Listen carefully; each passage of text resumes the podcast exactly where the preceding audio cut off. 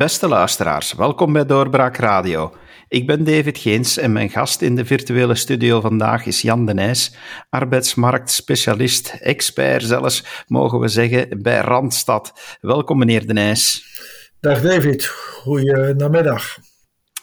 Meneer de Nijs, arbeidsmarkt eh, zit natuurlijk volop in de aandacht momenteel. Volgende week is er een staking aangekondigd. Eh, het loonsoverleg zit vast. Hmm. Allemaal materie uh, die dat misschien toch uh, voor sommige mensen wat moeilijker te begrijpen is. Daarom uh, als eerste vraag: loonsoverleg. Waarom hebben wij zo'n centraal loonsoverleg nodig?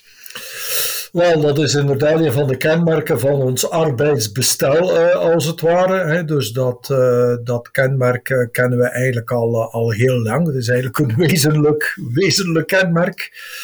Waarom hebben we dat? Omdat dat voor, ehm, ja, voor alle partijen eigenlijk redelijk goed uitkomt. Hè. en met alle partijen, daar bedoel ik dus de drie partijen mee: de vakbonden, de werkgevers maar dan eigenlijk ook de overheid, de, de, de politiek, de regering. Dat zijn eigenlijk de drie partijen die hierin in het spel zitten. Eh, als je centraal overleg hebt, vakbonden, waarom hebben vakbonden dat graag? Wel, centraal overleg zorgt ervoor dat je ja, de verschillen uh, tussen sectoren en zeker tussen bedrijven niet al te zwaar uh, laat doorwegen. Dus als je centraal overleg hebt, dan ga je er eigenlijk voor zorgen dat de eerder zwakkere sectoren dat die ook een klein beetje kunnen, uh, kunnen genieten. Dat is een, een zeer belangrijk aandachtspunt voor, uh, voor de vakbonden. Werkgevers zijn daar, ja, zijn daar eigenlijk uh, ook niet zo, zo op tegen. Waarom? Omdat ja, als je een, een centraal akkoord hebt, ja, dan heb je eigenlijk al een heleboel mogelijke sociale conflicten. Um, heb je eigenlijk een stukje al geneutraliseerd. Stel, stel dat je overal in bedrijven de onderhandeling moet gaan voeren. Om te beginnen zou dat voor de werkgevers al veel meer werk zijn. Dat geldt trouwens ook voor de vakbonden. Dat je overal apart moet gaan onderhandelen. Veel meer inzet van middelen. Uh, het zou veel uh, moeilijker te behappen zijn. Dus dat zou qua, qua efficiëntie wellicht niet, uh, niet, niet het beste systeem zijn. Daarom zo'n centraal systeem, werkgevers, vakbonden, prima. En ook de overheid is daar vindt dat natuurlijk op zich ook prima, omdat ja, als je een sterk centraal overleg hebt, dan kun je daar als overheid ook ja, een beetje gemakkelijker op inspelen. Door, hè, door je heel sterk naar dat centraal overleg uh, uh, te richten, zoals men nu ook doet met de loonwet van, van 96. Is dat iets vrij uniek? Want ik heb toch de indruk dat dat op andere manieren gebeurt in de landen rondom ons. Uh, ja, zelfs als ik uh, die cirkel vrij breed ga trekken in landen rondom ons, dan, dan zie je daar toch eigenlijk een andere manier van werken. Ja, ons, uh, wij hebben het, het, Belgisch, het Belgisch systeem is zou zeggen, het Belgisch systeem is eigenlijk vooral uniek. Niet zozeer door die centrale onderhandelingen. Goed, oké, in sommige landen ligt er wat meer nadruk op de sectorale. Maar wat vooral uniek is voor België, dat, zijn, dat is natuurlijk de automatische indexering. Hè? Want uh, we hebben niet alleen centraal loonoverleg, we hebben ook uh, die uh, automatische indexering. En dat betekent dat ja, eigenlijk al een heel deel van de mogelijke onderhandeling in andere landen, ja, uh, dat die in België eigenlijk al, dat er al niet meer moet over onderhandeld worden. Want de index is gegeven. Dus als de index overschreden wordt, is dat automatisch loonsverhoging. Dat kennen we dus elders niet. Hè. Dus, daar, dus zeker wat dat betreft is België dus zeer uniek. Want je kunt ook zeggen dat dat een beetje de onderhandelingen uitholt. Hè. Uh, in andere landen moet daarover onderhandeld worden ja, over die uh, loonsverhoging op basis van uh, de aanpassing aan de levensduur. Dat is niet zomaar verworven. Dus het is vooral daarop dat België afwijkt en, en misschien ook wat, en, en zonder die automatische indexering, ja, ehm, zou er ook niet zo'n noodzaak zijn. om, om dat heel sterk te gaan sturen. Want u begrijpt, als er al automatische indexering is, ja, dan is de kans dat we naar loonontsporingen gaan, is natuurlijk groter dan in een systeem waar dat niet bestaat. Hè. Dus dat is, uh, dat is een beetje typisch uh, voor, uh, voor België. wat is dan nu eigenlijk de grootste kink in de kabel dat dit systeem, wat in theorie er dan toch wel heel goed uitziet, dat dit systeem nu vastloopt? Wel, um, ja, voor het zijn vooral de vakbonden die, uh, die op dit ogenblik de kat de bal aanbinden. Hè. Dus uh, nogmaals, de vakbonden zijn in principe pro uh, uh, pro-centraal akkoord. Hè, dus wat vakbonden zijn voor gelijkheid. En zo'n centraal akkoord is eigenlijk goed voor de gelijkheid. Maar wat is het probleem nu? Hè? dat is dat ja, de koek die te verdelen is boven, bovenop de bestaande inflatie, die is zo beperkt, ja, 0,4 procent. En waar in andere landen de vakbond kan zeggen aan de leden van wij hebben gezorgd voor, nu even het Belgisch voorbeeld, voor een loonstijging van 3,2 procent. Ja, want dat is in feite de stijging, hè, de mogelijke stijging in België, 3,2 procent. Uh, ja, uh, door de automatische indexering is daar eigenlijk al zo'n hap van, ja, dat er in België nog op en al 0,4 overschiet. En dan voelen de vakbonden zich een beetje genomen, als het ware, hè, omdat uh, ze vinden dat er toch wel een deel bedrijven zijn. Ze hebben het soms over sectoren, maar eigenlijk is dat niet helemaal correct. Er zijn eigenlijk geen sectoren die in zijn algemeenheid uh, ja, er echt van geprofiteerd hebben van, van die COVID-crisis. Er zijn wel bedrijven, aparte bedrijven, die er van geprofiteerd hebben, maar zeker geen sectoren. Hè. Dus uh, vakbonden vinden dat, ja, dat er een deel bedrijven zijn die uh, de dans ontspringen op die manier. Uh, en daardoor willen ze eigenlijk ook het systeem aanpassen. Je zou kunnen zeggen, ja, een beetje raar om, om een heel systeem uh, te gaan aanpassen door eigenlijk enkele bedrijven. Hè? Want er zijn bedrijven die het ja, die, die grote winsten hebben gemaakt. Hè. Denk maar aan de Googles, aan de, hè, de uh, maar ook de Amazons en maar op van deze wereld. Um, maar dat zijn maar een klein aantal bedrijven in vergelijking met uh, de rest die ja, afgezien heeft. Uh, soms moet vechten voor zijn overleven. Dus het, ja, het, komt een beetje, het komt een beetje op een, op een moeilijk moment. Het is een lastige situatie. We zijn trouwens nog niet uit eh, deze crisis. Hè. Eh, op, de, op het ogenblik dat we dit gesprek voeren, ja, staat er misschien een nieuwe lockdown eh, voor de deur. Dus er is eigenlijk grote onzekerheid. Dus ja, het, het, is eigenlijk niet het allerbeste moment wellicht om dit systeem nu zwaar te gaan hervormen. Dus dat is zeker iets wat kan ingebracht worden tegen de, ja, de strategie van, van de vakbonden op dit, op dit ogenblik. Maar wat vragen de vakbonden dan nu eigenlijk? Vragen ze gewoon meer marge? Willen ze, willen ze nog meer binnenhalen? Of is het echt gewoon weer de eh, vraag om dit systeem af te schaffen? Nee, ze willen, meer, eh, ze willen vooral meer vrijheid. Hè? Dus ze willen meer vrijheid uh, om binnen die loonnorm, uh, om daar te kunnen van afwijken. Hè? Nu is het zo dat ja, je hebt die loonnorm. Uh, maar het is niet alleen zo dat die loonnorm wordt bepaald, het is ook absoluut verboden om daar boven te gaan. En als je daar boven gaat, word je zelfs beboet. Dus het, is, wordt, wordt redelijk sterk gehandhaafd. En vakbonden willen dat een, een veel te zwaar keurslijf. Um, en willen dat daar uitzonderingen op komt, dat dat soepeler wordt, uh, wordt geregeld. Willen eigenlijk een beetje naar de situatie van voor 2017. Hè, want uh, eigenlijk is de wet in 2017 door de uh, de vorige, de Zweedse coalitie, aangescherpt. Hè, want de wet bestaat al heel lang, maar er zaten eigenlijk nog heel wat achterpoortjes aan. En in 2017 is die wet ja, toch aangescherpt, hè, zodanig dat er minder uh, loonontsporingen konden zijn. Want tussen 96 en 2017 ja, waren, was de loonkostsituatie in België toch negatief geëvolueerd ten opzichte van Duitsland, Frankrijk en Nederland. Ja, en moest er eigenlijk worden, uh, worden worden ingegrepen. Dus ehm, dat is de bedoeling geweest en daar willen vakbonden een stuk, ehm, een stuk vanaf. Dat is een beetje de inzet. Uh, omdat ze hopen, als men daarvan afgeraakt, dat er dan toch uh, in sectoren en zeker in aparte bedrijven meer voor de werkgevers kan, meer voor de werknemers kan worden uitgehaald. Uiteraard willen ze niet, ja, ze willen niet naar een totaal decentraal systeem, want in, in zo'n systeem zou het uh, zelfs zo zijn dat er voor in bepaalde sectoren niks, niks is. Hè? En, en, misschien zelfs de loonsdaling. Hè? dat, dus eigenlijk, uiteraard willen ze de aanpassing alleen naar boven. Hè? Dus dat is, dat is ehm, op dit ogenblik een beetje de, de, ja, de, de situatie. U hebt daar straks uitgelegd dat er drie partijen betrokken zijn bij het loonoverleg.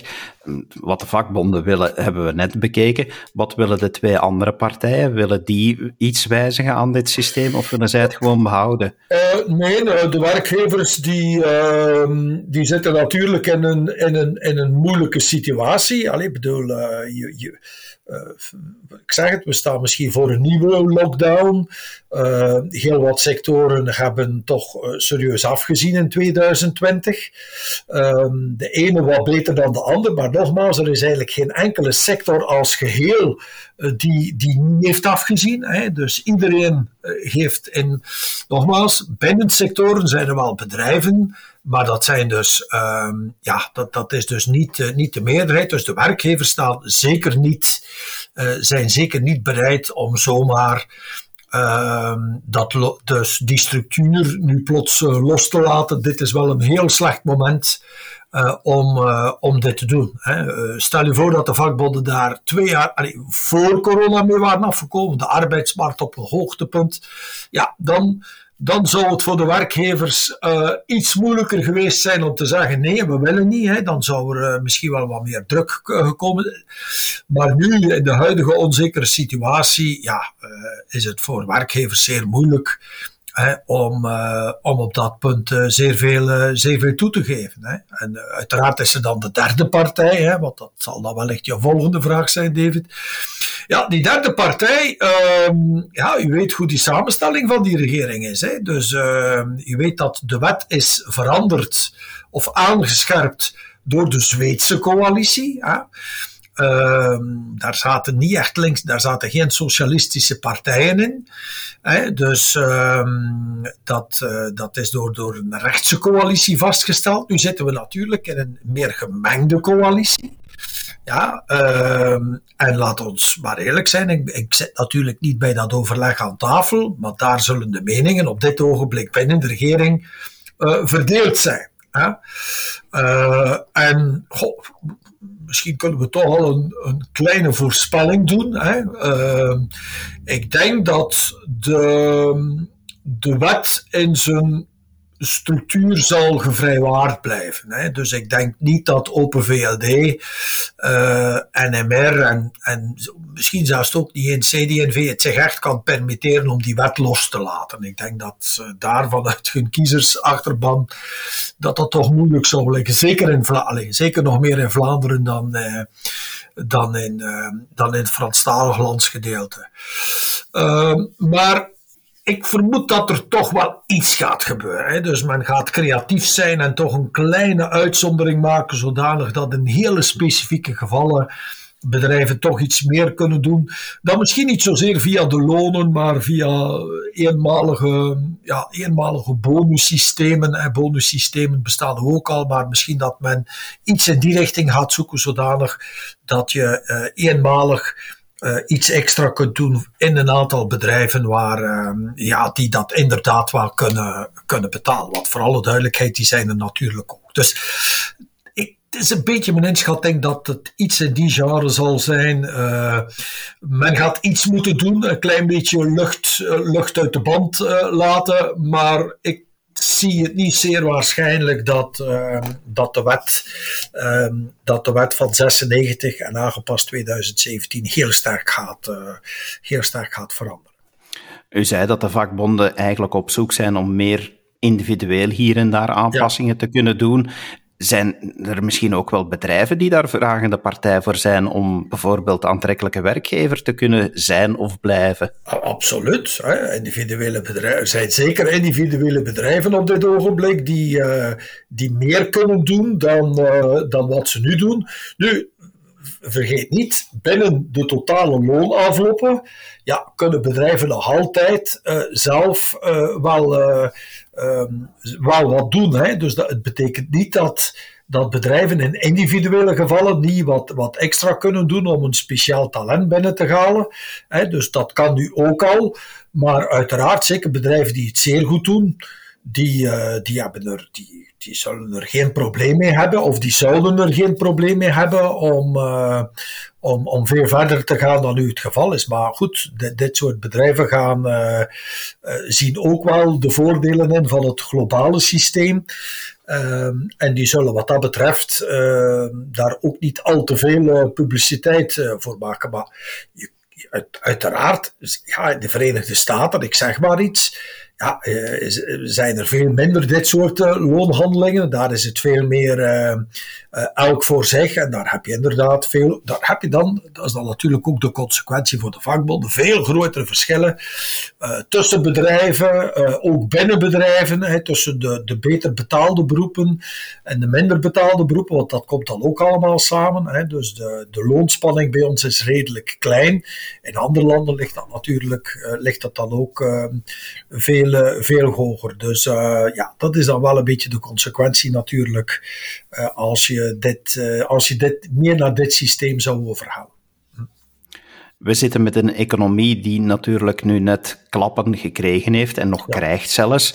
Is het dan eigenlijk wel verstandig om op dit moment hierover uh, een debat te gaan voeren, om te gaan staken? Is dat niet heel gevaarlijk om onze economie ja, dan misschien nog dieper in de put te gaan duwen hiermee? Uh, wel, ik zou zeggen, onze geschiedenis is op dat punt, uh, ja, de geschiedenis zou ons uh, moeten leren. Hè. We hebben in het verleden uh, crisissen op zo'n slechte manier aangepakt. Oké, intussen is dat al ja, een halve eeuw geleden, hè, maar in de zeventiger jaren hebben we de, loon, de loonkosten echt uit de hand laten lopen via die automatische indexering. We hadden toen het probleem van de grote, uh, de hoge inflatie. Ja. Die inflatie werd onmiddellijk verrekend in de lonen. Dus België prees zich uh, in een recordtempo uit de markt. Ja. Uh, en uh, dat, dat heeft ons met problemen opgezadeld, die we eigenlijk tot op de dag van vandaag meenemen. Ik bedoel, uh, onze arbeidsmarkt is dan eigenlijk een stukje ontspoord geraakt. En eigenlijk hebben, zijn we er nooit in geslaagd sindsdien om dat helemaal weer, uh, weer recht te zetten. Dus ja, oké, voor uh, ik denk dat bijna voor al die onderhandelaars dat redelijk ver van gebed is, omdat ze in sommige gevallen misschien zelfs nog niet eens geboren waren, of in elk geval nog te klein om het zich nog te kunnen herinneren. Maar ehm, het, is, het is inderdaad nu niet het moment om te gaan staken, om in het kader daarvan, hè, dus zeker omdat we nog altijd niet weten, daar druk ik toch op, wat de uiteindelijke gevolgen van COVID zullen zijn. Dus um, we zitten er nu een jaar in. We weten eigenlijk God nog niet wanneer dat we er helemaal gaan uit zijn. Hè. Straks gaan we, uh, dus de, de, derde golf komt eraan. Uh, misschien een nieuwe lockdown. Hè. Sommigen spreken al van, van weer echt een strenge lockdown. Met nog meer verlies uh, voor onze bedrijven. Um, de, de, de huidige situatie van economische groei voor 2021 is niet zo slecht. Maar is zeer, zeer, zeer kwetsbaar dus het zou kunnen zijn dat na de, de grote daling van 2020, waar we all in all nog redelijk goed hebben kunnen weerstand tegengeven, dat als 2021 ja, uh, ook een beetje van hetzelfde is, ja, dan zou dat wel een keer kunnen voor veel bedrijven de, de finale doodslag uh, zijn. En uh, ja, dan hou ik een beetje mijn hart vast. En dan is het duidelijk dat, uh, dat dit soort uh, onderhandelingen en ook stakingen, dat, dat, ehm, dat we daar achteraf zullen op terugkijken van jongens, dit was misschien wel niet de meest intelligente keuze. Moest u nu mee aan het stuur zitten of aan het fornuis staan, aan welke knoppen zou u dan draaien om de arbeidsmarkt uh, ja, goed voor te bereiden op een relance na die crisis? Wel, ik moet eerlijk zeggen dat die vraag uh, van relance, dat ik, um, ja, ik zeg het met wat, we, met, met wat nu aan het gebeuren is op dit eigenste moment, dat die relance bij mij weer een klein beetje naar de achtergrond uh, verzeild is geraakt. Een maand geleden dacht ik, ja van goed, hè, we, zijn, we zijn straks vertrokken. Ja, en dan was het denk ik wel tamelijk duidelijk dat de regering met ja, ehm, met overheidsinvesteringen, hè, dus de economie uh, met, met uh, infrastructuurwerken, met investeringen in infrastructuurwerken, maar zeker ook met gerichte opleidingen naar de werkzoekenden, ook een, een goede activering naar de werkzoekenden, voor te zorgen dat mensen niet te lang in de werkloosheid blijven, want ik zeg altijd, het is, het is geen ramp uh, als mensen werkloos worden. Dat zeg ik ook altijd tegen mensen die in de situatie komen. Dat kan ons allemaal overkomen. Het hoeft geen ramp te zijn als die periode waarin men werkloos is niet al te lang is. Uh, en dat, hoe lang is te lang? Dat verschilt uiteraard van, van, van persoon tot persoon.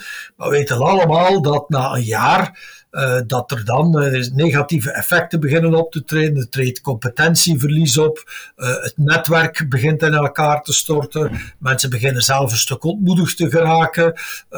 je krijgt een minder goed imago van de werkgever. Die denkt van, tja, zo lang werkloos, er zal wel iets, iets fout zijn. Dus er komen alle soorten mechanismen in stand die dan de doorstroom naar de arbeidsmarkt eindelijk tegengaan. En dan moet je er volop op inzetten dat dus die doorstroom naar de arbeidsmarkt uh, vlot en snel kan verlopen, zodanig dat je effectief heel snel in die uh, relance kunt komen. En eens dat het spel goed weer in beweging is, ja, dan denk ik is er alsnog uh, mogelijkheid om dan opnieuw weer even naar de dingen te kijken en te zeggen van jongens, dus in die zin, ja, er, zijn ook al, er zijn ook al stemmen geweest om te zeggen, laat ons heel dat, dat loonoverleg uitstellen. ik denk theoretisch zou dat vind ik dat een goede optie. Hè? Zeggen van jongens, het is eigenlijk beter dat we dat even tussen haakjes zetten. Hè? Dus uh, alle bestaande cao's worden voorlopig uh, verlengd.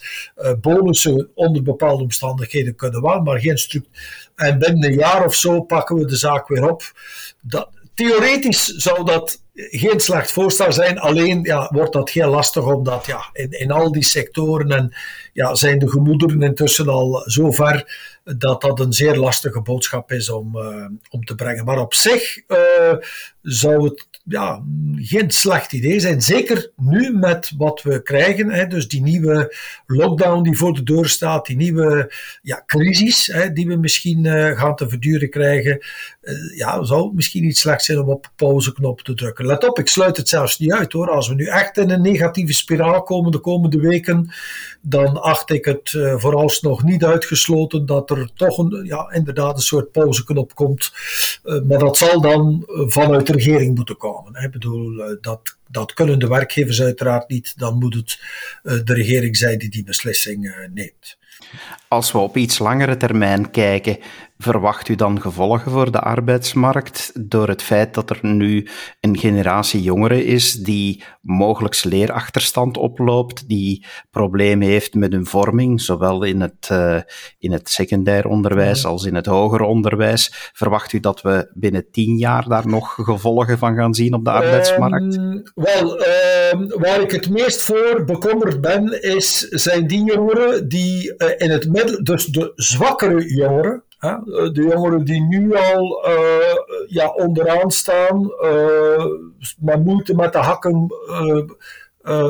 over de sloot geraken, of en zelfs nu al pre-corona er niet in slagen om, om het diploma middelbaar onderwijs te halen. En u weet, de mensen die de dag van vandaag geen diploma middelbaar onderwijs hebben, dat zijn kwetsbare mensen. Hè. Dat zijn kwetsbare jongeren.